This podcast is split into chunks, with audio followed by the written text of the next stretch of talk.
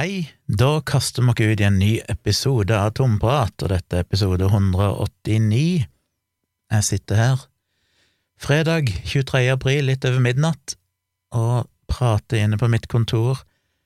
Og først må jeg jo si at uh, Ja, jeg sa vel kanskje det sist, men jeg syns det er veldig hyggelig med, med, hyggelige tilbakemeldinger, for å si det sånn.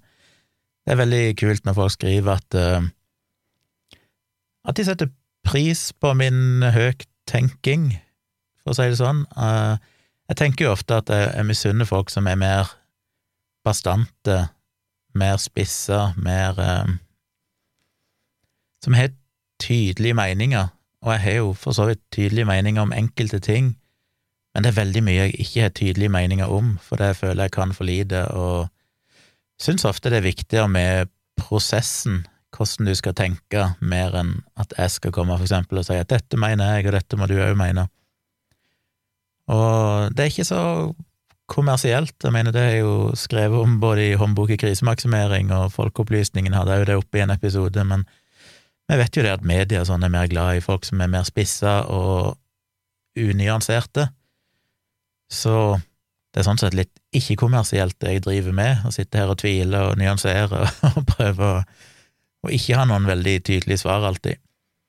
Men desto gledeligere er det jo når jeg får tilbakemeldinger der folk sier at de setter pris på akkurat det, eh, at det er litt sånn sjeldent i dagens samfunn, og at det er derfor de hører på. Så det er jo viktig og, og bra, og det prøver jeg jo å ta til meg, selv om jeg føler at jeg mislykkes i hver episode omtrent. Eh, så er det iallfall folk som verdsetter det. Så takk for det. I dag skal jeg prøve å eh, ikke bli altfor lang, selv om eh, jeg fikk faktisk en del tilbakemeldinger på det òg, at folk sa jo, vi vil ha lange episoder, jo lenger, jo bedre. Eh, et ikke veldig representativt utvalg, må jeg jo si. Jeg kan vel telle på ei hånd de som sendte meg melding om det, og det er jo vesentlig flere enn det som hører på. Men ja, det er kanskje en oppfordring til at dere må være flinke til å rope ut, ellers så hører jeg på de få som som sier ifra. Så hvis dere syns det er forferdelig med lange episoder, så må dere òg gi lyd ifra dere. Men i dag så skal jeg ikke gjøre altfor mye, og litt av det jeg holdt på å si, nei, det er kanskje ikke det, men jo, litt, er at uh, jeg ble inspirert av forrige episode, ble inspirert av meg sjøl. Nei, jeg ble inspirert av uh, han godeste Magnus som sendte meg mail. Var det ikke Magnus? Jeg tror det. Som sendte meg mail om uh, 5-2-dietten og 16-8-dietten og intermittent fasting, som det heter så fint. Periodisk fasting. Fordi jeg eh, så jo Wasim Sahid sin video, som jeg sa, og så har jeg jo lenge tenkt, som jeg snakket om tidligere, at eh, jeg mener for noen år tilbake så gikk jeg ganske mye ned i vekt. Ikke sånn supermye, men jeg gikk ned ifra jeg veide vel 110 to kilo cirka, og det hadde jeg jo veid stort sett i hele mitt voksne liv. Nei, ikke bare stort sett, jeg hadde veid det hele mitt voksne liv. Eh, litt sånn 100 pluss var vekta mi på. Og det var jeg veldig komfortabel med, egentlig. Det vil si, jeg hadde jo ikke spesielt uh, Jeg hadde ikke et så positivt forhold til kroppen min. Jeg var ikke den som var veldig glad i å ta meg T-skjorte og ligge og sole meg, eller bada med alle de andre vennene mine som var slanke og fitte og alt mulig sånn. Men jeg, jeg trivdes jo, for så vidt. Og så fant jeg allikevel ut, litt sånn på pur faen, eh, litt fordi jeg ble eldre og begynte å tenke mer på helsa, litt fordi jeg ble provosert av eh, kostholdsfriker og diettguruer, så tenkte jeg at jeg vil prøve å gå ned i vekt, jeg skal gjøre det på den enkle metoden kaloritelling. Jeg sier ikke at det er enkelt, men den enkle i forstand at det er lett å forstå kalorier inn og kalorier ut. Og det funka jo som bare det. Jeg brukte en app og plotta inn at jeg skulle gå ned ei kilo i uka, og jeg gikk ned omtrent på grammet ei kilo i uka. Og etter ei stund så hadde jeg gått ned ca. 15 kilo Ja, jeg tror det var det, hvis jeg husker. Det er noen år siden. Så jeg gikk ned til en Jeg tror det laveste jeg var på, var kanskje 86-87, noe sånt. Og der holdt jeg meg ganske lenge, og så gikk det bitte grann opp igjen, som vel er naturlig, men jeg lå jo på rundt 90 kilo lenge. Og så hadde jeg en liten periode her for et par-tre år siden, par år siden, der jeg gikk opp igjen, og så tok jeg meg litt sammen, begynte med appen igjen, gikk ned igjen. Og sånn har det vært, og så har jeg jo, som jeg har sagt tidligere, gitt litt eh, faen siste halve året spesielt, og gått opp igjen, og så nå er jeg leie på en 96 kilo eller noe sånt. Og egentlig leie ganske stabilt der lenge, selv om jeg føler at jeg har gitt uh, total faen og bare stappa i meg sjokolade og alt jeg har lyst på. Og det i seg sjøl syns jeg er fint. Jeg føler at ok, jeg hadde jo trodd det skulle gå mye verre, men jeg har iallfall klart å holde meg en sånn, ja, stort sett en seks, sju, åtte kilo under det jeg veide før, og det i seg sjøl er jo bra. Um, men jeg er litt der igjen at jeg tenker at ah, jeg har litt lyst til å gå ned i, i vekt. Det er litt feil å si gå ned i vekt, selvfølgelig det er en viktig faktor, men til syvende og sist så handler det om helse, ikke at jeg skal se slank ut, for jeg kommer aldri til å bli slank. Jeg måtte jo sitte og regne litt på det i stad, og fant ut at hvis jeg følger bare sånn BMI, som jo vet det er relativt lite nyttig med tanke på helse og alt mulig sånn, det er veldig komplekst, men det er en, en grei tommelfingerregel å bare vite sånn cirka hvor du ligger hen, syns jeg. Spesielt fordi at jeg kan ikke skylde på at min høye BMI skyldes masse muskler og sånne ting, for det gjør det jo på ingen slags måte. Og fant ut at jeg har en BMI på 29,6, som jeg ble litt glad for at ja, jeg er fortsatt under 30, det er bra. da er jeg vel overvektig, det er ikke fedme. Men hva må til for at jeg skal bli normalvektig? Ned på en BMI på under 25? Jo, da må jeg helt ned på 80 kilo. Og det er bare helt urealistisk. Det er liksom ikke snakk om at jeg kommer til å gå ned 15 kilo ifra der jeg er nå, eller 16 kilo. Det bare føler jeg ikke er meg. Jeg er ikke en person som ble født for å veie 80 kilo. Det må jeg bare inn, innse. Men jeg kunne godt ha veid under 90 kilo. Det er liksom er målet mitt. Så jeg tenkte, hvorfor ikke prøve litt dietering igjen? Og jeg har jo prøvd kaloritelling lenge. Det er positive og negative sider.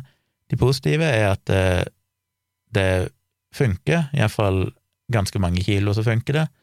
Jeg tror nok de fleste som er overvektige eller lider av fedme, eller alvorlig fedme, gjerne kan gå ned minst ti kilo med kaloritelling. Men, og det varierer jo litt individuelt og hvor du starter og alt mulig sånn, men ofte så møter en litt veggen. Jeg gjør iallfall det. Jeg kom til et punkt der det var sånn Jeg spiser fortsatt de kaloriene som står i appen, men nå går jeg ikke ned i vekt lenger. Og det vet vi jo, at den eh, kurva ikke er lineær. Kroppen begynner å, på en måte kompensere for en vektnedgangen.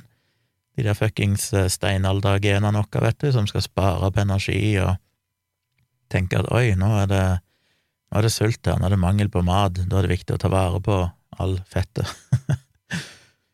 Så litt overforenkla. Men det var vanskelig, og da var jeg ikke villig til å kutte enda mer kalorier, for da spiste jeg så lite i utgangspunktet at jeg tenkte at det her nytter ikke. Alternativet da hadde jo selvfølgelig vært å, å blitt mye mer fysisk aktiv. Det har aldri frista så veldig, og jeg var egentlig fornøyd med den vektnedgangen jeg hadde.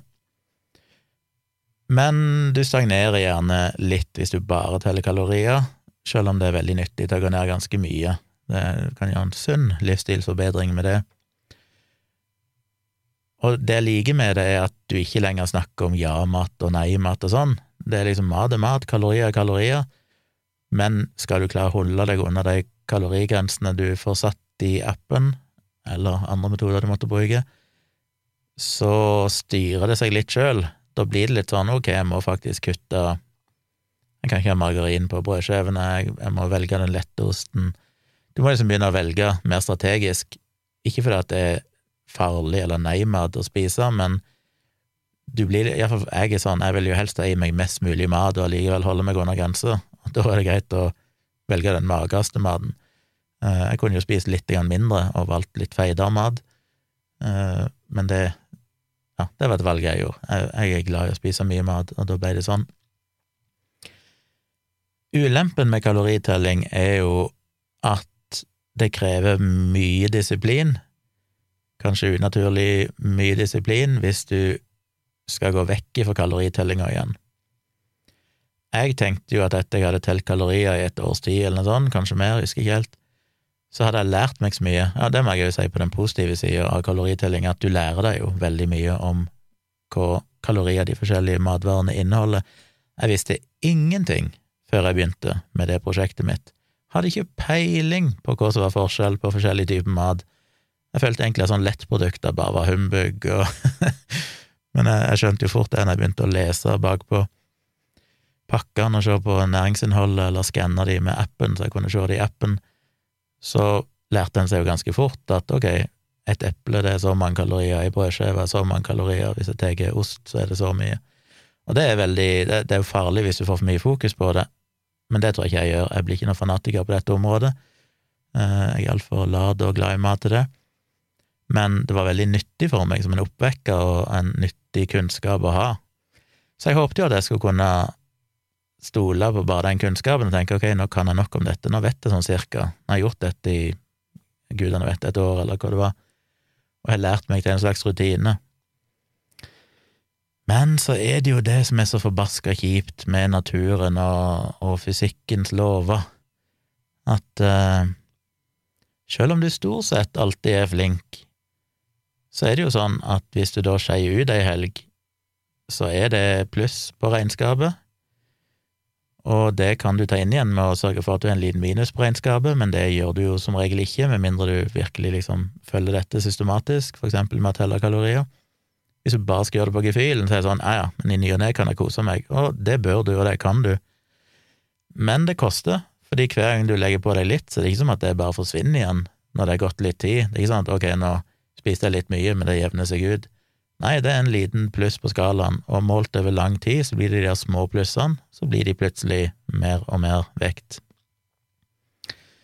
Og det merka jo jeg, for jeg var ganske flink. Eh, ja, det må jeg òg si, at en positiv aspekt ved hele prosjektet mitt, uavhengig av om jeg hadde gått opp igjen til den vekta jeg hadde før, som jeg heldigvis ikke har gjort, så spiser jeg sunnere nå. Du blir til en viss grad tvunget til å spise mye sunnere hvis du skal få gi deg litt mager mat i nok mengder. Så eh, uansett resultat så vil jeg jo si at det har hatt positivt utslag for meg. Jeg er blitt mer bevisst det jeg spiser, jeg spiser sunnere, bla, bla, bla. Men det hadde jeg ikke lyst til å begynne med ennå. Jeg syns det er kjedelig. Jeg ble liksom lei av det der kalorifokuset. Så jeg må finne en måte å lure meg sjøl til å spise mindre, og det er jo der, som jeg sa i forrige episode, at periodisk fasting kan være fornuftig, fordi du, du lager bare en slags strategi om at du skal spise da og da, og hvis du holder deg til det, så trenger du ikke tenke så mye på hva du spiser ellers. Selvfølgelig skal du ikke gå bananas de dagene du spiser, men men da kan du eh, Min strategi er jo bare sånn at ok, hvis jeg spiser like dårlig, holdt jeg på å si, like mye for mye de fem dagene eh, som jeg har gjort de siste halve året, men kutter dramatisk i to dager, så vil jo uansett gå innta mye mindre kalorier i løpet av ei uke enn det jeg ellers ville gjort, og det må jo være bra. Så jeg har gått, eh, jeg har ikke lyst til å gå på 16-8-dietten igjen, det har jeg gjort tidligere, men det blir for lite rigid, på en måte. Det er lettere å holde seg til en hel dag ved at i dag er det tirsdag, og da skal jeg bare spise bitte, bitte, bitte grann. Så jeg har ikke begynt så vidt med det. Tirsdag og i dag. Ganske tett sammen. Jeg har prøvd 5-2-dietten tidligere, og da tror jeg jeg hadde en sånn som mandag og torsdag, fordi da tenkte jeg da jeg spacer det ut så mye jeg kan i løpet av uka. Men fordi jeg eh, ja, litt usikker på hvorfor. Litt tilfeldig at jeg bare begynte på tirsdag, og så tenkte jeg jeg kan egentlig ikke gjøre det på fredag, for da er dattera mi her ofte på fredagene, og da liker vi å kose oss litt, og det er kjedelig, så jeg skal være sånn nei, jeg kan ikke spise noe i kveld. Og lørdag, da må han jo kose seg, og det kunne vært søndag, men eh, jeg vet ikke, jeg føler helg er helg. og siden jeg, det kan ikke være mandag heller, siden jeg begynte på en tirsdag nå. Så tenker jeg jo det kan være like greit å ha tirsdag og torsdag, for da er jeg litt sånn ferdig med det for uka, og så er jeg fem dager, jeg kan kose meg, nei, fire dager før neste gang, og da får jeg liksom en lang sånn strekk med jeg kan spise normalt før jeg må begynne å tenke på faste igjen. Og så er det noe perverst eh, tilfredsstillende med å gå all in. 16,8 trenger du ikke å merke så mye til. 16,8 blir mye mer sånn Å, nå har jeg egentlig lyst til å Jeg har jo spist nok i dag, jeg har fått i meg nok men jeg har lyst til å snakke på ting utover kvelden mens jeg sitter og ser på Netflix og et eller annet, og så kan du ikke det, og så blir det bare irriterende. 5-2 er mer sånn ok, i dag så er jeg sulten, fordi i dag spiser jeg nesten ikke, og sånn er det, og det er greit. Det er mer bastant, og du kjenner det. Og det er et eller annet for meg, dette er forskjellig for alle, og jeg gir ingen råd her, dette må alle finne ut av sjøl. Men eh, for meg så er iallfall det en metode som jeg håper iallfall skal funke. Og ja, så lenge det varer, så varer det, og alt er bedre enn ingenting. Eller noe er bedre enn ingenting. Så jeg prøver meg på det, og i dag har jeg da spist særdeles lite og kjenner jeg er sulten. Og i tillegg så prøver jeg å være litt mer i aktivitet. Jeg har begynt en, en ny rutine, det å møte Tone, min samboer, når hun er ferdig for jobb. Hun har jo en sånn cirka tre kvarters gåtur til jobben sin. Og da, når det nærmer seg at hun er ferdig, så tar jeg med meg hunden, og så begynner vi å gå imot henne. Og da får jeg òg en sånn cirka tre kvarters gåtur, iallfall. Og det hjelper jo òg, Forbrenner litt kalorier der òg. Så vi får se. Jeg syns det hadde vært fint å komme meg litt ned igjen, pluss at det det gir meg en det er, en, det er noe masochistisk med det å slanke seg som òg gir meg litt sånn motivasjon, på et vis. Jeg føler en form for mestring som jeg tror er synd, for når dagene bare går, spesielt i pandemien, og jeg bare sitter og trykker i meg det jeg har lyst på, og har ingen plan med dagen, enten å bare jobbe og så og podkast og livestream og sånne ting, men det er liksom bare hobby, holdt jeg på si. Det er ikke noe som er vondt. Så er det et eller annet med å ha en eller annen ting som er litt vondt, som gjør at du føler at nå gjør du en innsats, nå, nå har du en, en mening med livet. Hør på eh, Guru Tjomli, som har gitt deg meninger med livet. Så vi får se. Jeg skal holde dere oppdatert. Kanskje neste uke så sier jeg at ah, det der gadd jeg ikke mer. det så så fristende ut med, med en svær plate sjokolade den ene kvelden, så ga jeg faen. Men jeg skal prøve. Så får vi se hva det bærer hen. Um, og det er jo òg leder meg jo veldig lett over til den nye NRK-serien som heter Eit fett feit liv. Men det er Ronny Brede et eller annet, som jo er lider av alvorlig fedme, eh, finner vi ut i programmet, og han vurderer da for og mot om han skal gå ned i vekt og sånn. Veldig bra program, syns jeg. Jeg er ikke nødvendigvis vært så fan av han Ronny. Jeg stort sett jeg eh, har egentlig aldri hørt han på radioen, for jeg hører ikke på radio, men jeg har jo bare sett han som programleder i noen ting, Grand Prix og sånne ting. Og jeg syns han er litt sånn kjedelig, overdrevent jovial, overfladisk eh, fyr. Eh, og det er han jo for så vidt i denne serien òg, men han Jeg syns jo det var en befriende måte å takle temaet om overvekt og slanking. Uh, spesielt fordi jeg kjenner meg selvfølgelig mye igjen i han. Det er nok mange som har slitt med overvekt, som gjør det. Og jeg har jo til og med snakka om det tidligere i denne podkasten, det der med at du lett overbeviser deg sjøl om at men jeg har det jo greit, er det ikke viktig å kose seg her i livet? Eh, har ikke det en verdi i seg sjøl? Skal jeg liksom lide for å leve noen få år ekstra? Og det er jo den der indre kampen som gjør alle sånne prosjekter litt vanskelig. Det er jo ikke så vanskelig å være sulten, det er ikke så vanskelig å spise lite. Det som er vanskelig, er at ikke den delen av deg som tenker at dette her er jo ikke noe vits i, det er ikke verdt det, det er, hva er poenget? Å overvinne den. Og det er jo det jeg da hele tiden må prøve, jeg må ha en eller annen ideal. For meg så er det kanskje Jeg mener, som jeg har sagt mange ganger, i den tida jeg var på mitt slankeste, som fortsatt var overvektig, så var jeg jo ikke noe mer lykkelig. Um, holdt på å si, jeg har aldri, aldri, hatt mindre sex enn etter jeg slanka meg. Jeg tror jeg hadde mer mojo på damen av en eller annen merkelig grunn da jeg, var, jeg leide fedme, uh, uten at jeg kan forstå det. Og det overraska meg alltid litt. Og sånn tenkte jeg nå føler jeg meg slanka, kom inn i klær jeg aldri har kommet inn i før, og sånn. Men eh, det hjalp liksom ikke på damefronten, og følte meg ikke noe bedre, tvert imot, så har jeg jo aldri følt meg så så bevisst min egen kropp som etter jeg begynte å gå ned i vekt og begynte å telle kalorier. Alt var jo knytta til skyld og skam, og du føler at da, dette her er ikke bra, alt du spiser er feil. og det er liksom, det er et eller annet med det, at eh, på en måte så er jeg jo veldig enig med Ronny, at eh, da jeg var på mitt tyngste og ikke tenkte på kalorier, aldri leste en kalori til næringsinnhold på noen ting som helst, bare trykte i meg det jeg hadde lyst på, så er jo det en sånn en sånn uh, lykkelig uvitenhet. Og det skal han ikke kimse av. Problemet med det, hvis jeg bare hadde handla om å være happy, så hadde jeg heller trykt i meg sjokolade og chips hver dag og veid 110 kilo. Det mener jeg, og det er jo det Ronny òg sier. Det er Jeg blir ikke noe mer happy av å gå ned i vekt, men den vonde faktoren er jo helse, at du må tenke på den òg. Og det er jo det Ronny òg er, at uh, selv om han er lykkelig i sin kropp og ikke føler noe behov for å gå ned i vekt, så er det jo den brutale sannhet at du øker risikoen for en del livsstilssykdommer og alt mulig sånn, som er en hard realitet, uansett uh, hva en måtte føle rundt det. Og jeg er jo bare i overvektgruppa, og er ikke noe sånn alvorlig risiko, men samtidig for høyere risiko for en del ting. Jeg har nok en, eh, et midjemål som er over det som er bra. Han ene legen som han var Var det Kave, eller var det en annen? Som var inne i Kave Rashidi, tror jeg, han var hos legen der i, denne, i denne episode nummer to. Han sier jo at hvis du er over 102 i midjemål, så er, du, er det i seg sjøl en økt risikofaktor for hjerte-karsykdom og sånn.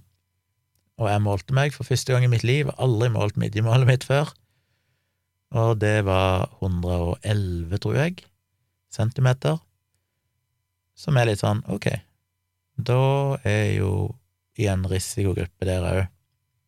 Og det er vel relativt velkjent at det ofte er det magefett og sånn som er det mest usunne. Jeg har alltid vært litt glad for at jeg ikke var en person som har vært fett hos meg, ikke lagt seg sånn på hoftene, rumpa og beina. Jeg har alltid hatt ganske slanke bein og slanke armer og slanke fingre og sånn, men det er liksom på magen det setter seg. Og det er jeg egentlig vært litt glad for, for jeg synes det, skal du først ha fett en plass, så er det jo der det er mest praktisk å ha det. men, eh, men det er jo en, kanskje den verste plassen å ha det, iallfall en av de. Så det ga meg en ekstra liten boost på hm, eh, Det dumme er at jeg, jeg målte jo aldri eh, magevidden, holdt jeg på å si, mageomkretsen, da jeg var på mitt slankeste, så jeg aner egentlig ikke hvor jeg lå på da. Så nå har jeg ikke noen sånn målestokk å gå etter. Men vi får se. Anyway, nok om det. Jeg likte programmet, iallfall vil anbefale det NRK-programmet. Jeg syns det hadde en sånn behagelig avslappa tilnærming til det, samtidig som det var en del sånn hard realisme i det. Og så vet jeg ikke alle er enige. Jeg vet uh, ja, ikke alle er enige i de tingene som kom fram i det programmet angående hva som er den optimale vekta og sånn. Uh, et par av legene der, iallfall han ene, han var jo litt på dette med ja, to av de vel, disse ekspertene mente jo at Han ene mente vel at i overgangen mellom normalvektig og overvektig var kanskje den beste plassen å være, altså rundt 25 i BMI. Han andre mente at så lenge du hadde god helse og sånn, så var det egentlig ikke noe grunn til å gå ned i vekt, det var viktig å ikke gå opp i vekt, til og med hvis du hadde alvorlig fedme, som for meg hørtes veldig rart ut, fordi hvis du har alvorlig fedme, så vil nok de fleste ha en enkelte andre helseproblemer allerede. Og jeg har jo sjøl opplevd litt for høye blodtrykk, som fascinerende nok dukka opp først da jeg slanka meg.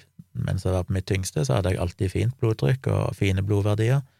Men det har vel noe med alder å gjøre. Jeg ble jo eldre, bikka 40, og, og, da skjer det jo ting. Og det er det jeg tenker med Ronny òg. Det høres kanskje ut som en klisjé, men han er i midten av 30-årene, vet ikke hva han er, 35-ish, og sier at han er frisk og fin, og det var jeg òg i den time, men det er et eller annet med det der å bikke 40, altså. Da, da begynner du å bli gammel, plutselig. Det er sånn den dagen du fyller 40, så er det boom, høyt blodtrykk og vondt i leddene og Nei, jeg var spart for alt det andre, det er kun høyt blodtrykk. Jeg er hatt, og det er normalt nå, men med blodtrykksmedisiner. Og det er jo litt sånn deprimerende at eh, selv om jeg gikk ned litt over 10% av kroppsmassen min, så gikk bare blodtrykket opp. Og det betyr at hvis jeg er redd for blodtrykket, så har jeg ikke noe stor tro på at det vil hjelpe meg å gå ned ti kilo nå.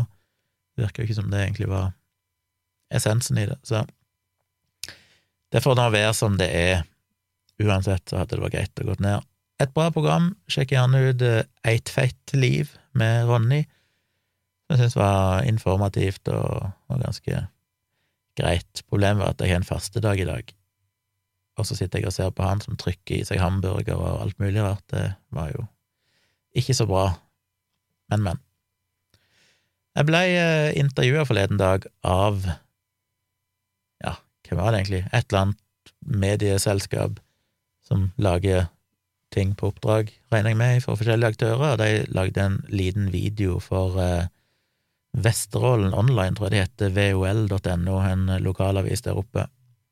Og det handla om det overnaturlige. Om det var folk der som hadde opplevd ting, så ville ha kontakt med de, og så lagde de en sånn liten timinutters dokumentar der du får se ei som visstnok var med på Jakten på en sjette sans eller sånt tidligere, aldri sett henne før. Det er jo ikke et program jeg ser spesielt mye på. Men hun var jo da inne i et hus og kunne se forskjellige ting, og så kom det noe skurring på mikrofonen, og da mente jo selvfølgelig Ja, hun sa jo umiddelbart, når hun lydteknikeren sa ei, det er noe sånn lyd på mikrofonen der, så sa jo hun med en gang ja, det er åndene. Det er åndene som eh, jobber, eller noe sånt, så.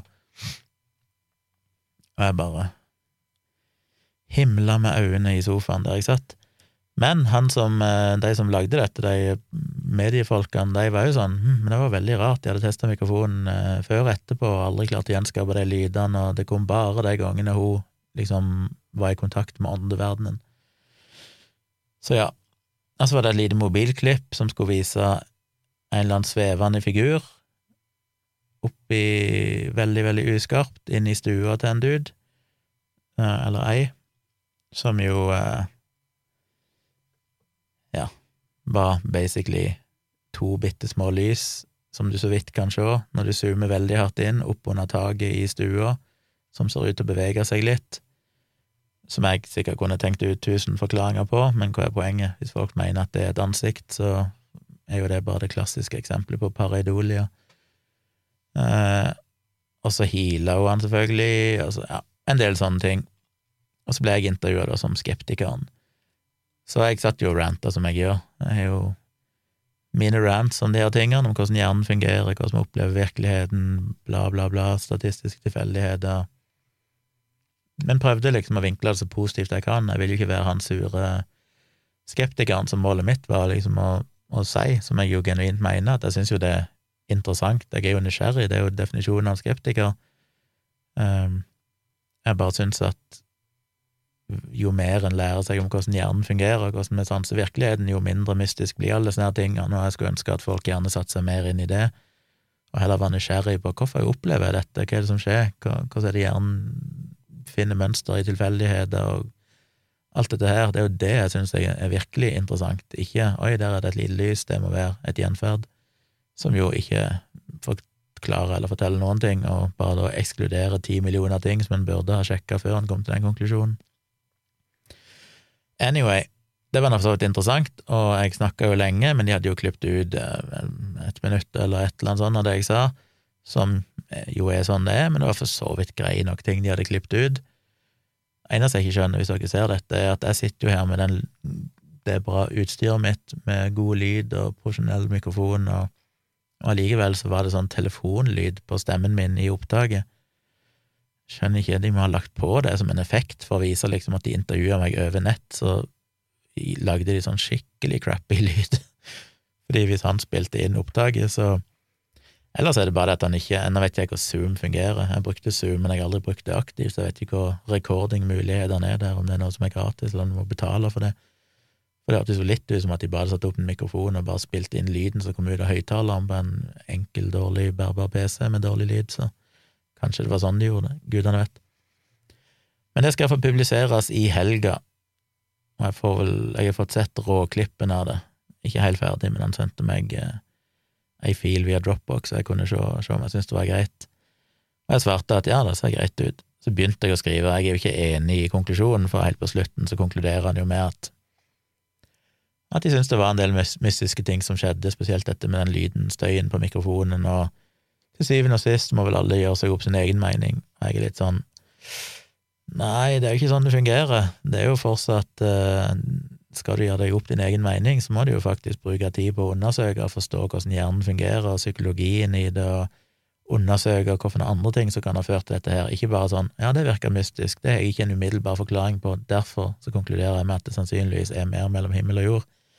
Det er jo ikke en verdifull mening, det er jo bare tull. Så jeg, men så tenkte jeg nei, jeg gidder ikke å skrive det, jeg bare si at det ser greit ut. Jeg kunne si hva jeg måtte mene til han om akkurat det uansett nå, når det er klippa og sånn, så Så hvis dere sjekker vol.no, så kommer det vel der. Jeg aner ikke om det blir liggende bak betalingsmur eller noe sånt, men hvis det er åpent, eller uansett, så poster jeg det sikkert på Facebook og Twitter, om ikke annet. Hvis dere følger meg der, så, så kan dere følge med i helga om det dukker opp en link hvis dere har lyst til å se det. Men så, til den virkelig store nyheten i dag. Jeg fikk Husker jeg hvor tid det var? På ettermiddagen en gang? Fem-60 eller noe sånt? Ja, 60 tror jeg cirka det var. Litt før 6 eller noe sånt. Eh, så ringer plutselig telefonen min, mobilen min, og det er et ukjent nummer. Ikke ukjent i den forstand at det sto ukjent nummer, det var ikke et skjult nummer, men det var et nummer jeg ikke kjente som jeg ikke hadde i kontaktlista mi, og det var et nummer som starta på 22, så det var sånn fasttelefon, og det var veldig sånn enkelt, en sånn 60, 30, 90 eller noe sånt, jeg husker ikke helt, men det var veldig fine, runde tall, så da tenker jeg umiddelbart at dette må være en bedrift som ringer meg, det er ingen privatpersoner som har et så fint nummer, og ingen ringer vel for fasttelefon heller, hvis du er privat. Eh, dette er sikkert spam, jeg orker ikke ta den for panikk. Eh, sikkert Telia eller Norges Energi eller et eller annet sånt som skal ha meg til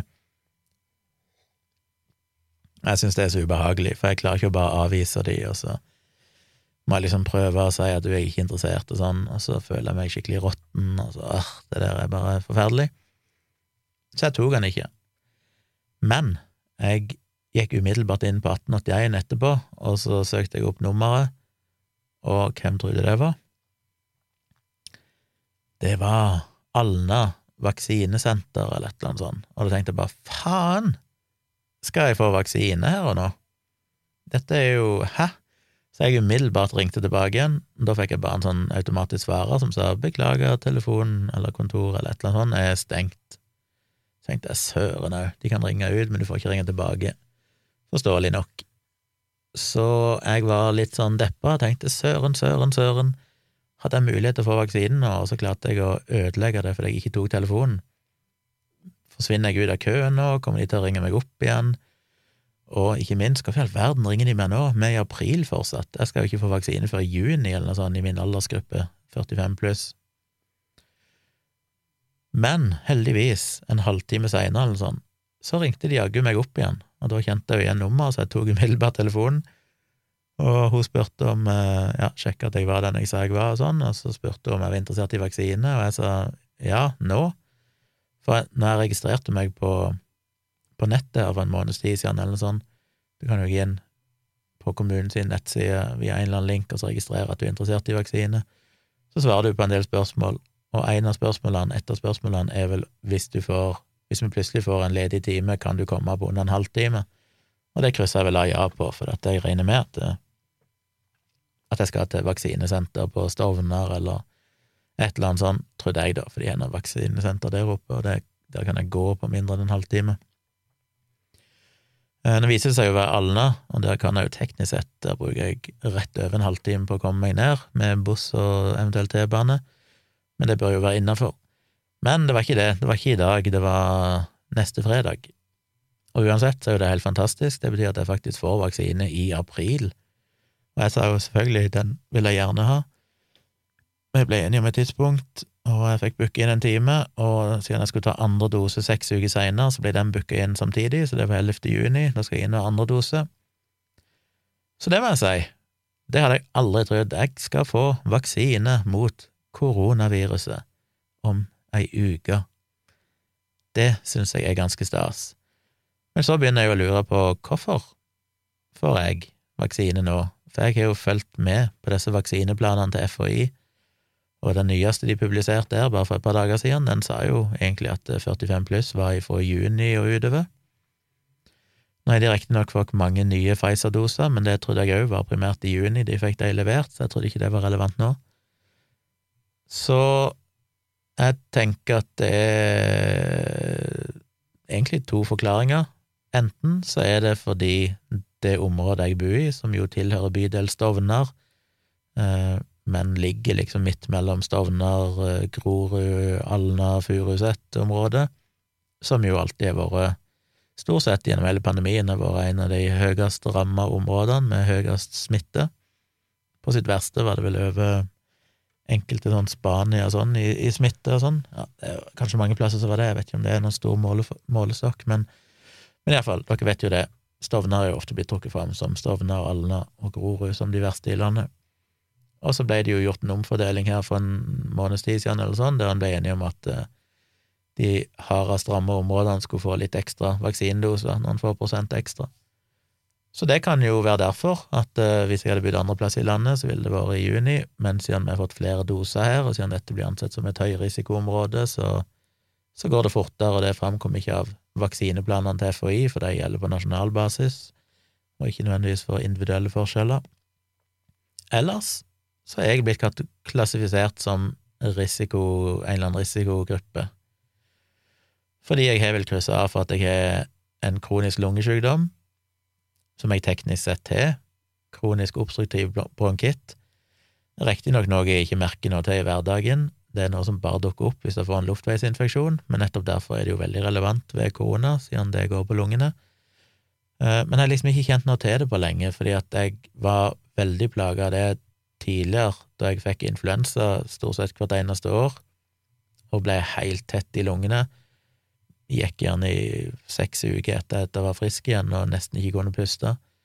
Men så begynte jeg å vaksinere meg mot influensa for en 15 år siden, og har ikke hatt influensa siden, og har derfor ikke merka noe til det. Jeg har knapt vært forkjøla de siste årene, og jeg merker nok litt til det hvis jeg får en forkjølelse, at jeg blir litt tett i lungene, men det er langt på nær så ille som da jeg hadde influensa og sånn, så jeg liksom glemte litt vekk og bare tenkte at ok, det var en diagnose jeg fikk for ja, snart 20 år siden, men det er jo aldri vært snakk om det siden den gangen. Det er ingen leger som har snakka om det. det.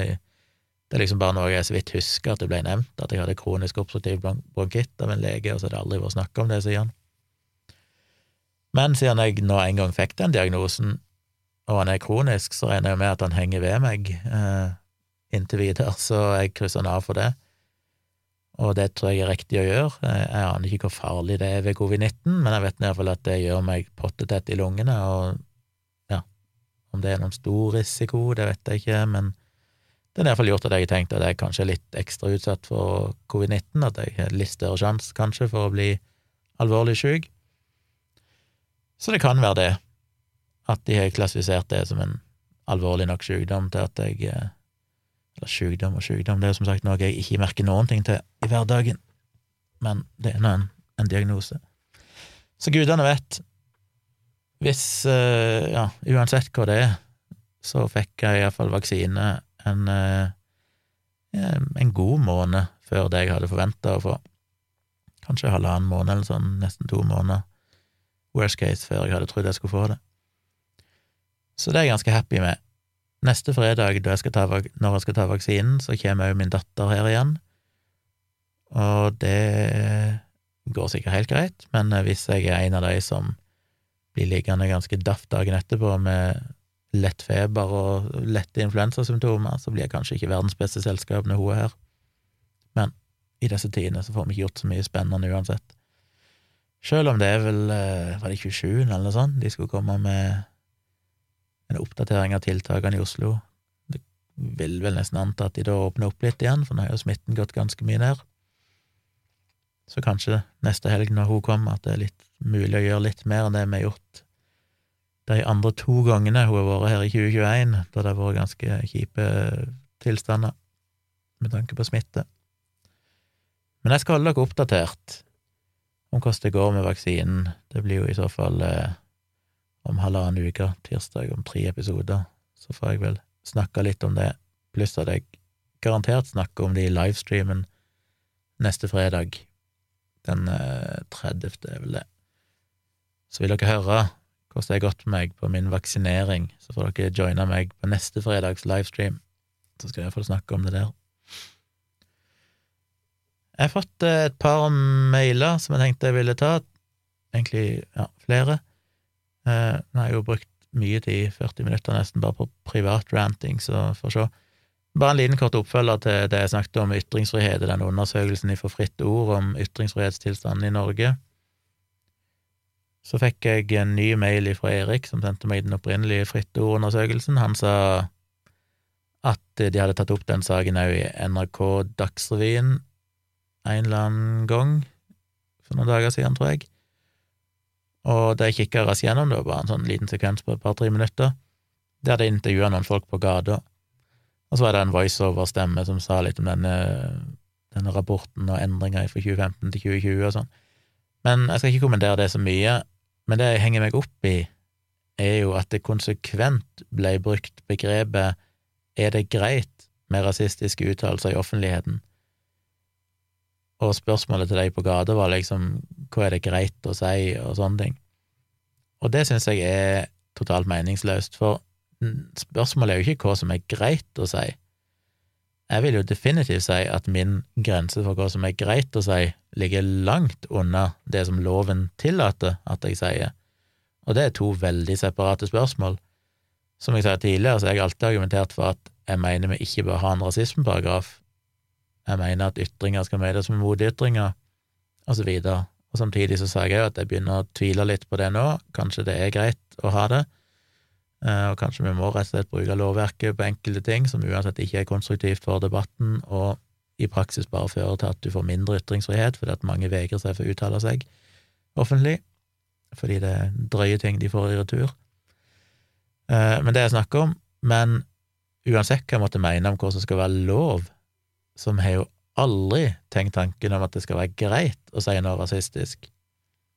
Eller jeg syns ikke det engang er greit å spotte Muhammed eller harselere med Jesus. Det er ikke greit å gjøre det, men jeg syns det kan være nødvendig å gjøre det, og jeg syns av og til det kan være gode argumenter for å gjøre det. Eh, men ja, og her er det nyanser òg. Det er grader greit. Jeg syns det er greiere å harselere med religion enn jeg syns det er å, å, trakassere minoriteter eller sånne ting. Selvfølgelig. Men det er allikevel et langt sprang, en ganske sånn kategorisk skille mellom det, hva jeg måtte synes er greit, som jo handler om bare subjektiv moral, og hva straffeloven faktisk sier er, er lovlig og ikke. Så det syns jeg var skikkelig teit, rett og slett, i den reportasjen. Hvorfor i all verden spør de om hva som er greit? Ja, det er greit er nå én ting, men det vi snakker om her når de diskuterer ytringsfrihet, så handler ikke ytringsfriheten om hva som er greit å si. Ytringsfriheten handler om hva som er lovlig å si. Og det er liksom to helt forskjellige definisjoner av ytringsfrihet i debattene.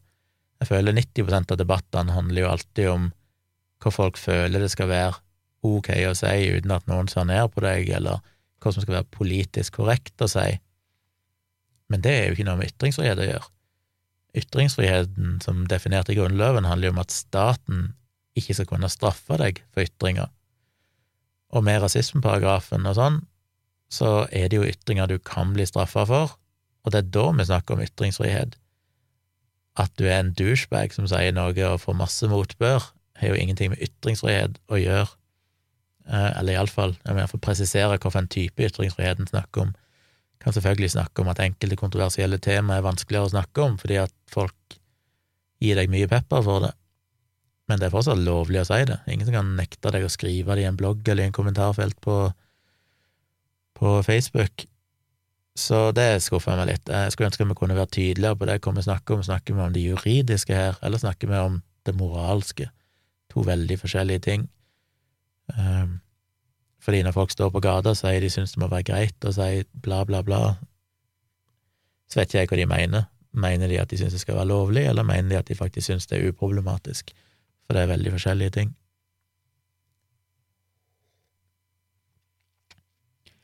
Jeg fikk òg et spørsmål om uh, Ja, to ting. La meg følge opp kjapt den mailen fra han Magnus om uh, periodisk fasting.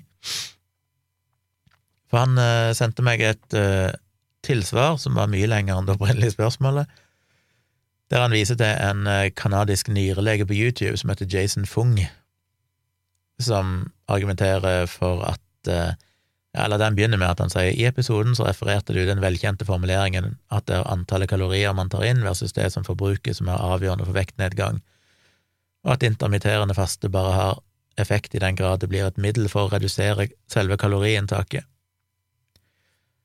Nå må jeg først si at uh, jeg husker ikke helt hva jeg sa, jeg trodde kanskje jeg var bitte grann mer nyansert enn det. Uh, jeg var iallfall det nå, i denne episoden, for det er jeg jo veldig klar over, basert på egen erfaring, og basert på at jeg har lest det Erik Arnesen skriver i, i sin blogg, Sunn skepsis, og, og, sånne ting. Han har jo vært gjest i Dialogisk podkast uh, og snakka litt om disse her tingene. Og jeg vet at det er ikke så enkelt som kalorier inn og kalorier ut. I teorien er det det, og jeg mener at det er nok det i starten, iallfall. Som jeg sa tidligere, du kan sikkert gå ned en del kilo basert på den enkle den enkle formelen, men så møter du en slags vegg fordi at den kurva ikke er lineær, den eh, slager litt ut gradvis, sånn at det blir vanskeligere og vanskeligere å gå ned i vekt jo mer ned i vekt du kommer, og sånn. Så det, det, er komplekst, og det trenger jo heller ikke ha noen ting med helse å gjøre. Du kan jo spise veldig, veldig usunt og fortsatt spise få kalorier, og gå ned i vekt, og bare få dårligere og dårligere helse sånn sett. Så alt det der er for så vidt komplekst, men sånn generelt sett så er det jo kalorier inn og kalorier ut som gjelder for de fleste, så tror jeg de burde være mye mer fokus på det enn komplekse greier med at du kan bare spise sånn og sånn mat, og dette er nei-mat, og dette er ja-mat, og sånne ting. Uh, og så mener jeg òg at jeg sa ikke at intermitterende faste bare har effekt som for at det er et middel for å redusere kaloriinntak. Jeg sa at det er nok den viktigste grunnen til at det funker, som de fleste dietter, om du går på lavkarbo eller lavfett, eh, så er det jo stort sett det som er felles, er at du reduserer antall kalorier. Og de studiene viser jo alltid at hvis du måler over to–tre år, så ser de fleste sånne eh, dietter ut til omtrent ha samme effekten over tid, selv om lav karbo ofte gjør at du går raskere ned i vekt i starten, så mye blant annet fordi du taper en del væske og sånn. Så derfor føler vel mange at lav karbo er genialt, fordi de raser ned i vekt i starten, men i det lange løp så er det ikke så mye å si. Det handler om kalorier inn og kalorier ut. Så kommer jo det mer komplekse spørsmålet om helse, og jeg sa jo det at jeg, som Wasim Sahid òg selv om forskningen er ikke på noen slags måte konkluderende ennå, det foreligger for lite data, for usikre data, men det er ting som peker i retning av at det kanskje kan være positive effekter av intermitterende faste, og det var jeg jo tydelig på. Men jeg vil ikke gå ut og si at dette er helsemessig veldig bra, fordi at det er ikke noe vitenskapelig dekning for å si. Eh, og nå, som jeg sa innledningsvis, når jeg begynner på en 5-2-diett her nå, så er det jo primært for å regulere kaloriinntaket mitt. Men på samme måte som Wasim, så er det litt sånn jeg tenker at men det er ikke urimelig at det òg kan ha noen positive effekter utover det, og det tar jeg gjerne med meg på kjøpet. Så, ja. Men han viser til denne kanadiske nyrelegen som argumenterer veldig for at uh, å bare kutte kalorier funker ikke på grunn av insulinregulering, bla, bla, bla. Jeg skal ikke inn i detaljene. Uh, ikke at det ikke er interessant og, og sånn, men uh, jeg skal ikke lese opp hele mailen, for det er ikke så relevant. Poenget er at det er liksom mer komplekst enn det. Og jeg må innrømme jeg ikke har rukket å sett de videoene, for jeg har på en måte hørt den argumentasjonen før, og han, han, Magnus forklarer det jo egentlig veldig godt i det han skriver. Kanskje jeg kikker på videoen seinere. Og jeg vet ikke helt hva jeg skal svare på det, for det er sånn, ja, det er litt sånn som jeg sa i forrige episode, jeg tenker at det er ikke urimelig, tenker jeg, at det faktisk er noe ved det. Um, men jeg mener jo fortsatt at jeg blir liksom bare sånn automatisk skeptisk til en eller annen på YouTube, som riktignok er en lege, men som er veldig bastant, basert på det som en på ingen slags måte kan si er gode nok, gode nok data fortsatt. Eh, jeg vet ikke hvordan han uttaler seg, om han er så bastant som jeg oppfatter det som i denne mailen, men jeg blir bare sånn Jeg, har jo bare fått mitt nok av disse her lavkarboentusiastene og keto-fanatikere og fanatikere og alt dette her, så jeg bare tenker alle som er sånne ekstremister, som at ja, sånn er det, og dette viser forskningen, at det er sånne og sånne effekter på, på, på, på, kroppen, og spesielt når de begynner å blande inn insulin, så er det bare sånn rødt flagg for meg. Eh, ikke fordi at ikke det selvfølgelig er relevant, men, men det går liksom alltid igjen at de har funnet en eller annen studie som viser sånn og sånn med insulin. Det er akkurat det samme som med lettbrus. Det er studier som viser at det påvirker insulin, bla, bla, bla, og derfor så Derfor det, gjør du bare at du legger på deg fordi at du lurer kroppen til å skille ut mer insulin fordi at kroppen smaker søte ting. Og, og det er spennende hypoteser, og kanskje i framtida viser det seg å være noe i det, men per i dag så er det ikke gode nok data til å si at dette er noe fasit. Så jeg ser ikke vekk fra at Jason Fung har gode poenger, og han kanskje har, noe, har rett i at uh, at det som er poenget hans, som sier at basalmetabolismen ikke går ned hvis du faster, og det er jo det jeg sa litt innledningsvis, at etter hvert som du går ned i vekt, så begynner kroppen å motvirke det, at du, metabolismen går ned, sånn at du forbrenner mindre og mindre, og dermed må du spise enda mindre kalorier, eller forbrenne enda mer kalorier for å klare å gå ned i vekt, og du møter veggen. Jason uh, Fung mener da at det ikke skjer når du faster, og det, hvis det stemmer, så er jo det helt superpositivt, for det betyr i så fall at jeg kanskje forbrenner like mye som jeg ellers ville gjort, og da er det mye lettere å gå ned i vekt, og du møter ikke den veggen. Spørsmålet er jo om det finnes gode nok data som viser at det funker i praksis, for det er så mange sånne ting som jeg har snakket om tidligere, med mikronivå og makronivå, ting som teoretisk og på mikronivå burde ha en eller annen effekt, og helt sånn vitenskapelig så kan du vise at sånn er det, men på makronivå, som jeg kaller det, så, så funker det likevel ikke sånn, for det er så mange andre prosesser som spiller inn òg, som kanskje motvirker det igjen, ikke sant. Og, så derfor er dette fryktelig, fryktelig komplekst, og jeg vet ikke Ut ifra den researchen jeg gjorde, og som Wasim gjorde, så har jeg iallfall ikke sett noen veldig gode data som sier at eh, at uh, intermitterende faste nødvendigvis funker vesentlig bedre enn bare ren kaloriregnskap, men jeg er åpen for at det kanskje gjør det, og jeg tenker at ok, hvis jeg får den bonusen, så er jeg veldig fornøyd med det, men jeg vil ikke hevde at det er sånn, det tror jeg nok ikke vi har god nok evidens for å si. Uh, ja, så jeg uh, konkluderer vel med det, så får vi ta opp igjen den tråden hvis det dukker opp flere data, eller hvis noen av dere har noen veldig overbevisende gode metaanalyser eller et eller annet, hvis jeg har dukket opp på noe tidspunkt som, som viser noe. Og så fikk jeg et siste spørsmål her som jeg syntes var interessant. Det er fra Fredrik som spør. Han sier, vet du sikkert er lei av koronasnakk, men jeg har ikke hørt deg snakke om massetesting av befolkningen gjennom hurtigtester, altså disse du kan spytte på og forsvare innen ti minutter. Blant annet Michael Osterholm snakket om dette på JRE, Joe Rogan Experience, regner jeg med.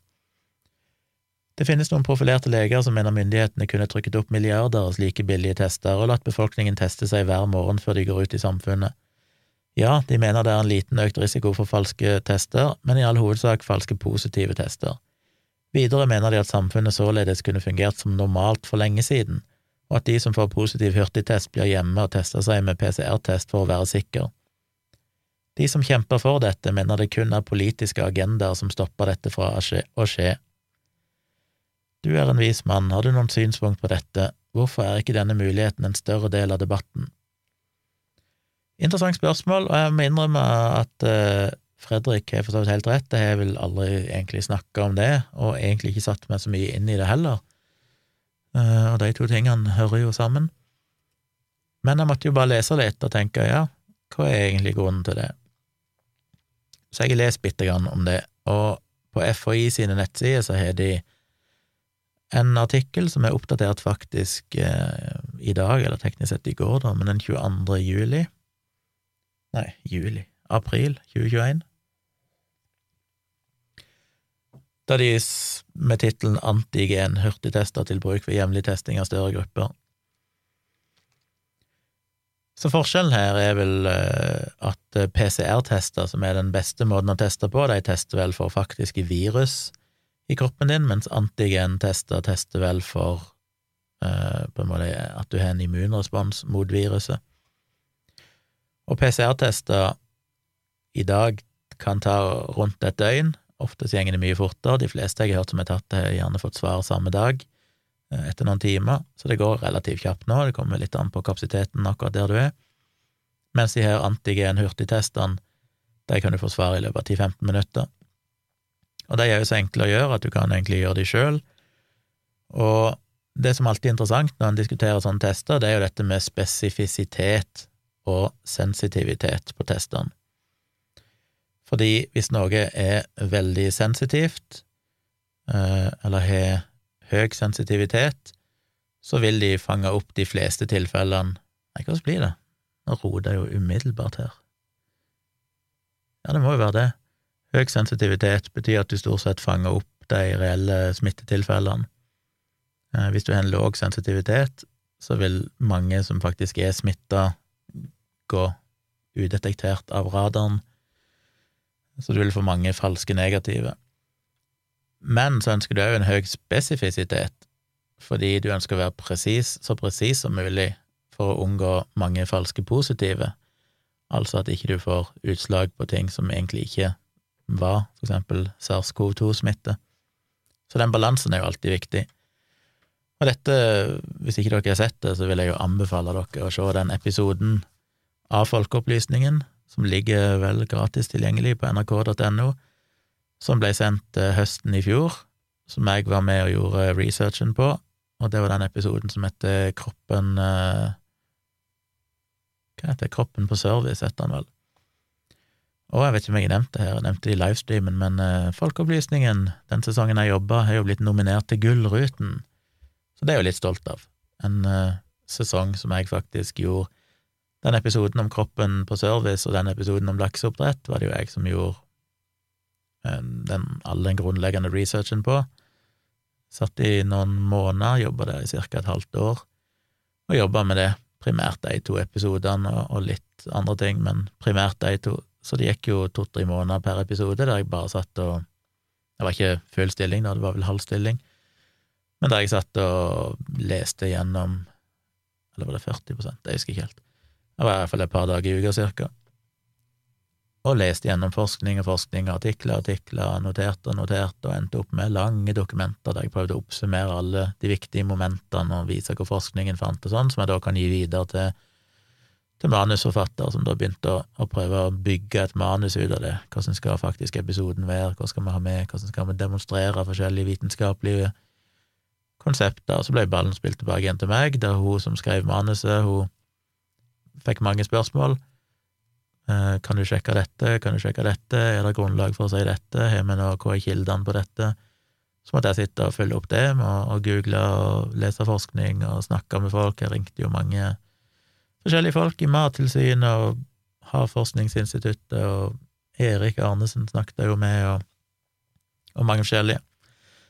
Og der tok de opp dette med hvorfor for eksempel er det ikke lurt å gå og sjekke seg jevnlig hos legen, Hvorfor tester vi ikke alle blodprøver for hiv? Og viste det gjennom en sånn fin demonstrasjon, da, hvorfor dette er som regel ganske liten nyttig å bare teste vilt i befolkningen, som jo er en av de store misforståelsene når det gjelder PCR-testene, som jeg skrev om i bloggen, når folk i denne covid-filmen og sånn viser til at uh, hvis du tester så og så mange, så vil du få så og så mange falske positive, og sånn, ja, det er riktig, men det gjelder bare hvis du bare tester randomly. I Norge så har vi jo primært teste folk som enten har symptomer eller mistenker at de har vært i nærkontakt med smitta, og da synker antall falske positive betydelig til nesten ingenting, fordi du, du, sannsynligheten for at de som blir testa, faktisk er smitta, er så mye høyere i utgangspunktet. Eh, så dette handler om sensitivitet og spesifisitet. Og PCR-testen, eller disse, ikke PCR-testen, men vi skal først snakke om antigen-hurtigtestene de har, mener de, og for å si det, en av grunnene til at ikke dette er blitt rulla ut tidligere, er fordi at de testene er stadig blitt bedre. I fjor så var de nok ikke gode nok. Jeg vet ikke helt når de begynte å bli bra nok, men i nyere tid så har de nyeste antigentestene begynt å bli såpass bra at de er brukbare. Så det er jo litt av forklaringen på at ikke vi gjorde dette allerede i april i fjor, eller i fjor sommer eller fjor høst. Det har tatt litt tid å få gode nok tester. Men de mener jo at uh, sensitiviteten på disse antigentestene ligger på over 80% Så det vil si at av de som er smitta, så vil du fange opp 80% av de. Og så er spørsmålet hva er spesifisiteten? og den mener de ligger faktisk på, ifølge data de har fra Norge nå i nyere tid, Oslo og Bergen, så ligger spesifisiteten på over 99,96 og det høres jo veldig mye ut, men som de viste i den Folkeopplysningen-episoden, at til og med hvis du har en spesifisitet på 99,9% som en del sånne selvtester du kan kjøpe på apoteket og sånn, har, at det høres ut som at å ja, det er nesten 100 sikker, da er jo svaret korrekt. Men det er ikke så enkelt. I realiteten så ender du faktisk opp med eh, ja, hva svarer igjen? Gitt at eh, du bare tester randomly, så vil du fortsatt få noe sånn som 30% falske positive og sånn, som høres veldig sånn kontraintuitivt ut. Hvordan kan du få det? Når han er 99,9 uh, sikker. Men da må du se episoden av Folkeopplysningen, der de forklarer det veldig pedagogisk og fint. Så ja, så i utgangspunktet så er testene ganske bra, men så er det en, en tredje variabel her, og det er jo nettopp dette med hvem tester du. Fordi hvis du tester i en befolkning der det nesten ikke finnes smitte, så vil til og med en test som har veldig høy spesifisitet, så høy som 99,96 i dette tilfellet, fortsatt gi mange falske positive. Uh, og de har et sånn fint skjema her, tror det var på den sida, men det var jeg ikke her. Og der viser de De regner ut liksom hvor mange falske positive og hvor mange falske negative får du med en test som er 99,96 eh, spesifikk og 80% sensitiv. Og det er ganske interessante tall, for det endrer seg jo ganske dramatisk avhengig av smittetrykket i befolkningen. Hvis 30% hvis det var prevalensen av eh, koronasmitte i befolkningen var 30% så trenger du bare å teste fire personer for å få én sann positiv. Sannsynligheten for at et positivt svar er sant, er 99,9% Så får du en positiv test, så er det nesten 100% sikkert korrekt. Som betyr at eh, antall falske positive du ville få per sanne positive analyseresultat, er 0,001. Så du vil få én falsk positiv per per 10 000, da blir vel det. Så per 10 000 korrekte positive, så vil en av de være feil. Sannsynligheten for at et negativt svar er riktig, er 92,1 så får du en negativ test, så er det altså 92 sjanse for at det faktisk er korrekt, men det er en 10 sjanse for at du faktisk er smitta likevel, uten at testen fanger det opp. Og det betyr at uh, antall falske negative forventa per sanne negative analyseresultat er 0,09, som vil si at du må teste Du må få 100, nei, 1000 negative svar for å få én som er falsk negativ. Så poenget er at uh, når det er så høyt smittetrykk i befolkningen, så funker sånne tester veldig bra, fordi du får få falske positive og få falske negative og falske negative er som regel ikke fullt så farlig. Eh, nei, motsatt. Falske positive er ikke nødvendigvis så farlig, fordi worst case er det kjipt for han, som får en, han eller hun som får en falsk positiv, de må kanskje isolere seg, men for samfunnet så er jo det ikke farlig. Det er sånn sett verre med falske negative, for da risikerer du at folk som da faktisk er smitta, går ut og smitter andre, selv om de tror de ikke er smitta.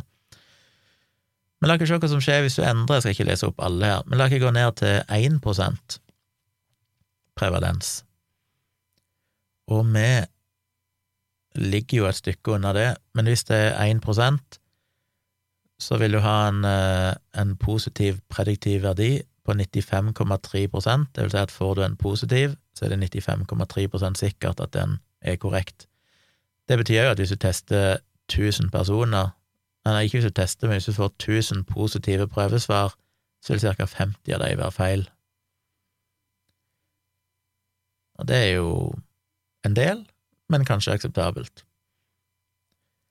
Eh, hvis du får et negativt svar, så er det 99,8% sikkert at det er riktig, og du må teste av 10 000 negative svar, ikke at du tester 10 000, men at du får 10 000 negative svar, av gudene vet hvor mange du må teste for å få det, så vil to av de være, være feil.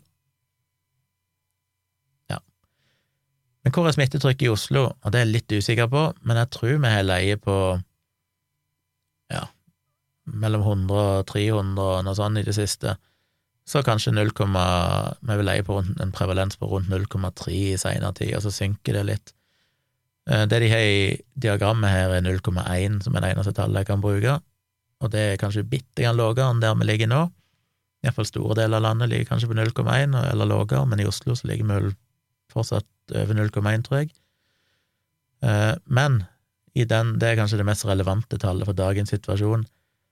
Og der er det sånn at du må teste 1250 personer for å finne én sann positiv. Og det betyr at hvis du får en eh, positiv, positiv svar, så er det bare 66,7 sjanse for at det er korrekt, eh, som betyr at hvis du tester 100 personer, så vil 50 av de være falske positive.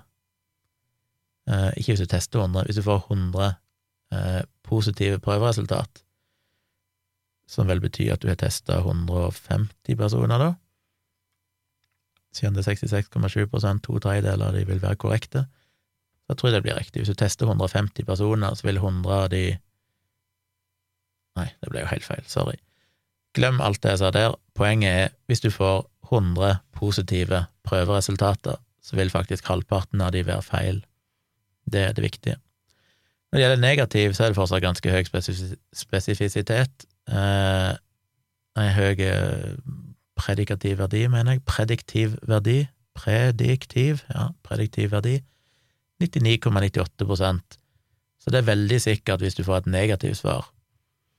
Så dere ser det øker, altså jo, jo flere som er smitta i samfunnet, jo mer presis, jo mindre falske positive får du, men jo flere falske negative får du. Jo færre som er smitta i samfunnet, jo flere falske positive får du, og jo færre falske negative får du. Som for så vidt er ganske logisk. Eh, jo større sjanse for at du faktisk er negativ hvis det er få som er smitta, og dermed så øker jo, eller synker jo risikoen for at det er feil. Så der må du faktisk teste, hvis du får 100 000, blir det vel, 100 000 negative svar, så vil to av de være feil, så det er jo basically ingenting. Og kommer du helt ned på 0,01, eh, så er det jo helt latterlig. Da er det jo Da får du fem falske positive per reelle positive, så da ja, er det meningsløst. Så det er jo egentlig der det mye handler om hvor ligger smittetrykket hen, for at det skulle kunne forsvare å bruke sånne tester. Og jeg har lest andre plasser på FHI, der sier de vel at hvis du er over 100 per 100 000, som er altså 0,1 en prevalens på 100 per 100 000 Nei, det er 1 det. 100 per 100 000. Nei, det er 1 promille, det er 0,1% Ja, herregud. Meg og er livsfarlig å skal regne ting på sparket her når du sitter og snakker og skal prøve å si ting som er korrekt, så sitter jeg jo bare og ja, blir flau av meg sjøl. Så 0,1 så var den kolonnen jeg leste opp, som faktisk hadde veldig høy sjanse, omtrent halvparten falske positive. Det er jo ikke så langt ifra der vi er nå. Men vi ligger jo litt over det i Oslo, for jeg tror tallene der ligger på rundt 300 per 100 000 er smitta. Og da eh, Da vet jeg ikke helt, for det ligger jo mellom 0,1 og 1% men da synker jo tallet igjen. Men det er fortsatt en del falske positive. Så jeg tror nok det er mye av grunnen til at de kanskje har vært skeptiske til det. Samtidig så har de jo gjort noen prosjekter nå med, med sånn uh, hurtigtesting på skole i Oslo og Bergen, og de har jo kommet egentlig veldig godt ut. Um, jeg husker ikke, jeg fant ikke en artikkel når jeg så uh, Christian Gundersen delte den på Twitter, og da skrev han at uh, null falske positive etter å ha testa så og så mange elever på en Oslo-skole. Jeg har sett noen andre artikler som sier at de har funnet noen få falske positive, men ikke så mange. Så det virker nok egentlig til å funke ganske bra. Jeg er litt usikker på hvordan de er testa, om det bare vært å teste absolutt alle, eller om det har vært noen som helst kriterier for hvem som skal bli testa, for da synker jo antall falske positive betydelig, hvis du øker sjansen for at de faktisk er smitta. Men jeg vil tro poenget er at de bare tester alle elevene. Og, så det har nok sett relativt bra ut. som kanskje er litt deprimerende, for det betyr jo at det da er større risiko for at det faktisk er smitte i samfunnet, og kanskje tallene er for små til å egentlig være gode nok til å Kanskje det kan være tilfeldigheter, jeg vet ikke. Så spørsmålet, da, etter å ha sagt alt det, spørsmålet til Fredrik er jo hvorfor har vi ikke for lenge siden trykt opp milliarder av sånne tester, og bare sendt de ut til alle og sagt test dere sjøl før dere går ut? Vel, det ene er jo det at så vidt jeg har skjønt det, så har ikke de testene egentlig vært tilgjengelige før relativt nylig. Det andre er jo det at eh, det er vanskelig å anbefale det eh, av to grunner, tror jeg. Det ene er jo det at du må først ha et smittetrykk som er høyt nok, så jeg kan tenke meg i en del andre land så vil dette være mye mer relevant enn i Norge. I Norge så har jo i store perioder smittetrykket vært så lavt at du ville få altfor mange falske positive. Når han der eh, Michael Osterholm snakker i Joe Rogan Experience, så er det lett å, å finne tall. Altså i, i for eksempel USA så kan jeg tenke meg at du vil få mange færre falske positive, fordi det er mye mer utbredt smitte. Men det er ikke nødvendigvis relevant for norske forhold og enkelte andre land med låg smitte. Og det varierer jo veldig fra sted til sted, som dere vet. Oslo og sånn har jo hatt mye høyere smitte, og til og med innad i Oslo så er det mye forskjeller. Så det er litt vanskelig å vite hvordan en skal angripe det, for er det sånn at du da kan sende ut tester til bare folk som bor i bydel Alna, Stovner og sånne ting? Blir det riktig, og vil det egentlig være noe effektivt?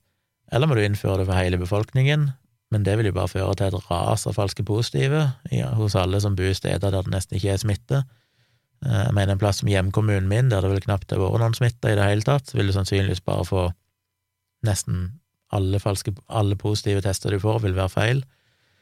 Så det er, er krevende og komplisert. Det andre er jo Jeg vet ikke hvor kostnadene er, de er kanskje billige, men allikevel trykke opp sånne nok til at alle skal bruke det hver dag. Jeg mener 365 tester for et år til hele Norges befolkning. Tipper jeg fortsatt kommer til å koste ganske mye i sum. I tillegg så er det jo sånn at når du får, falsk, eh, får en positiv test med en sånn antigentest, så bør det gjerne fylles opp med en PCR-test eh, for å være helt sikker. Det kommer litt an på situasjonen. Hvis det er bare en, en vanlig person som kan ha hjemmekontor og alt mulig sånn, så er det ikke sikkert det trengs, men det, for en del i befolkningen så vil det være relativt problematisk å ha en positiv test, og du bør helst være sikker på at den er korrekt. Og da vil jo dette ytterligere, ytterligere belaste disse testene vi har, som vel allerede er underbemanna mange plasser med PCR-testing.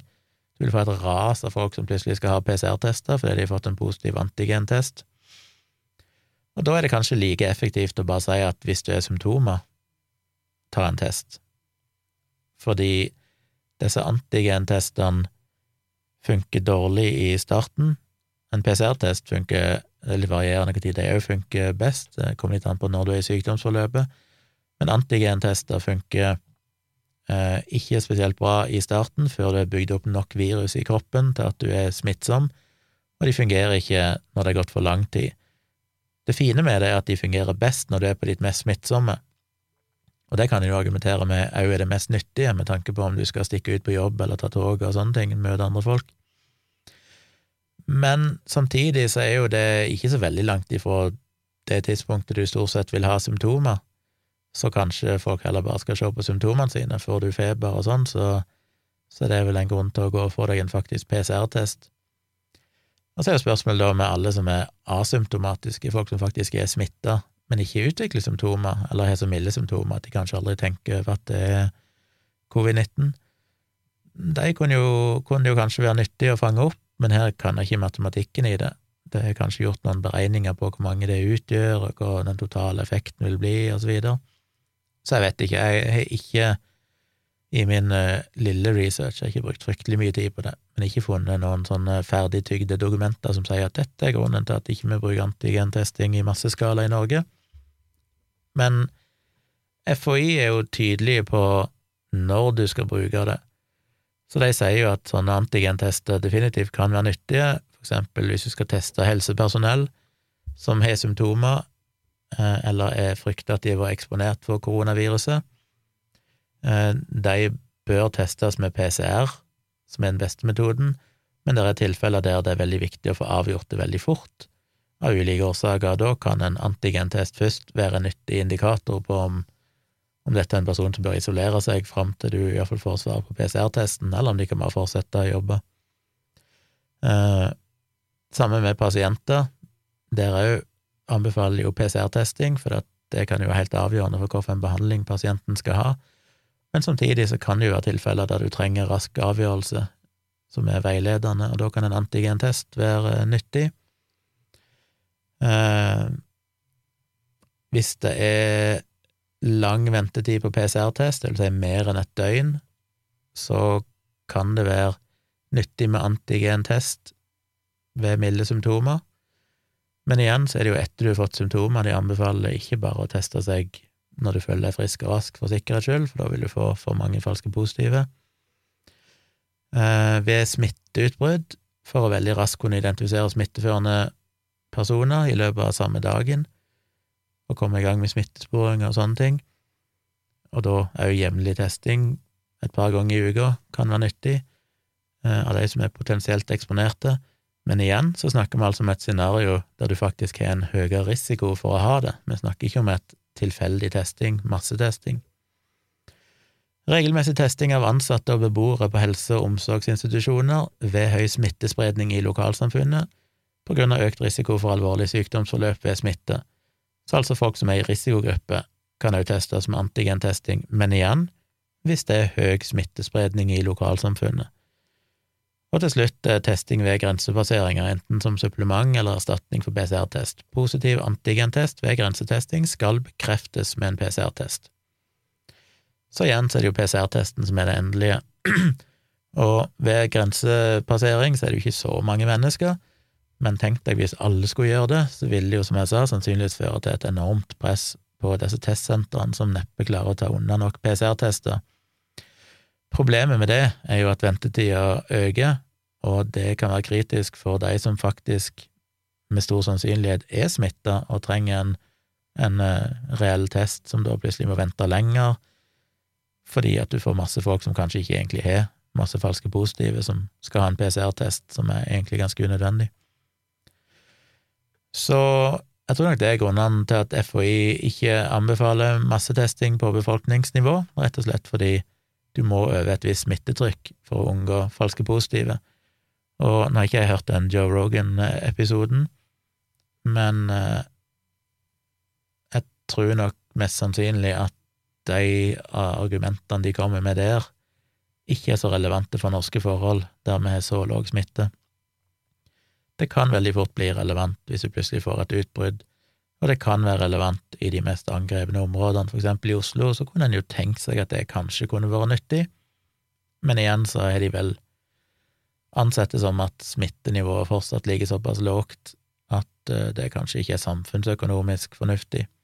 Gudene vet, jeg er ikke sikker på hvilke kalkyler de har gjort.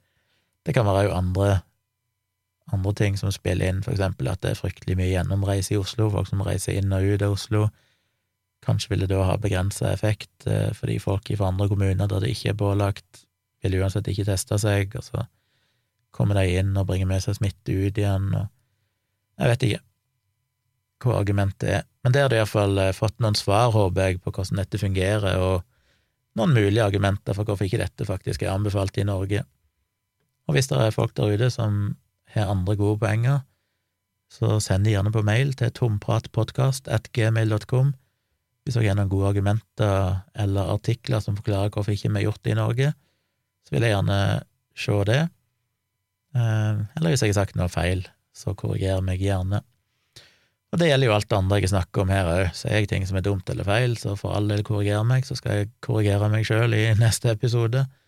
Eh, har dere innspill eller spørsmål, tanker, om hva som helst, om det er ting jeg bare mener eller tenker, eller private ting, eller om det er vitenskapelige ting, eller kjør på. Mail meg på tompratpodkast.gmail.com, at gmail.com, så skal jeg prøve å få med noen av de. Da ble det jo ikke en kort episode allikevel. Fuck me. Men sånn er det. Jeg håper iallfall det var informativt og underholdende til en viss grad. En må jo være ganske nerd, tror jeg, for å finne disse podkastene underholdende, men, eh, men, det er jo de, de folkene vi liker best. Så blir jeg jo veldig glad om dere deler denne podkasten. En siste ting jeg glemte å snakke om, er at jeg jo i dag hadde min første samtale med min eh, eksklusive Patrion på det høyeste nivået, som heter Tjommi XL. Han, som er den eneste jeg har på det nivået foreløpig, han øh, ville ha en prat med meg på tomannshånd, og jeg anser jo det som holdt å si konfidensielt, jeg skal ikke selvfølgelig iallfall ikke fortelle hvem det er, eller noe sånt, men det var en veldig interessant prat, vi satt vel i litt over en time via Whereby, altså videokonferanse, one on one, og prata, introduserte dere, snakka litt om dere sjøl, han hadde en del spørsmål som gikk for det mer sånn moralske, filosofiske, hvordan finne sannheten, hvordan leve et best mulig liv, hva tenker jeg om dette, hva for noen forbilder har jeg, har jeg noen anbefalte forfattere, sånne ting. Veldig, veldig interessant og hvis det er andre som kunne tenke seg en sånn prat, så går det an å sjekke ut det på patron.com slash tjomli. Der er det jo mange nivåer. Eh, på det høyeste nivået, som altså heter Tjommi XL, så kan du altså få en sånn månedlig nerdete, filosofisk, whatever, prat eh, som du tror kanskje jeg kan ha noe fornuftig å, å si om. Så det er mulig, og det er ikke noe bindingstid, så du kan kjøpe det for en måned hvis du har lyst til det, og hvis du syns det er bare dritt, så kan du kutte det når som helst. Og på de andre nivåene så får du jo bonuspodkaster og podkast-livestream og lydbøkene mine og videoforedrag og så videre.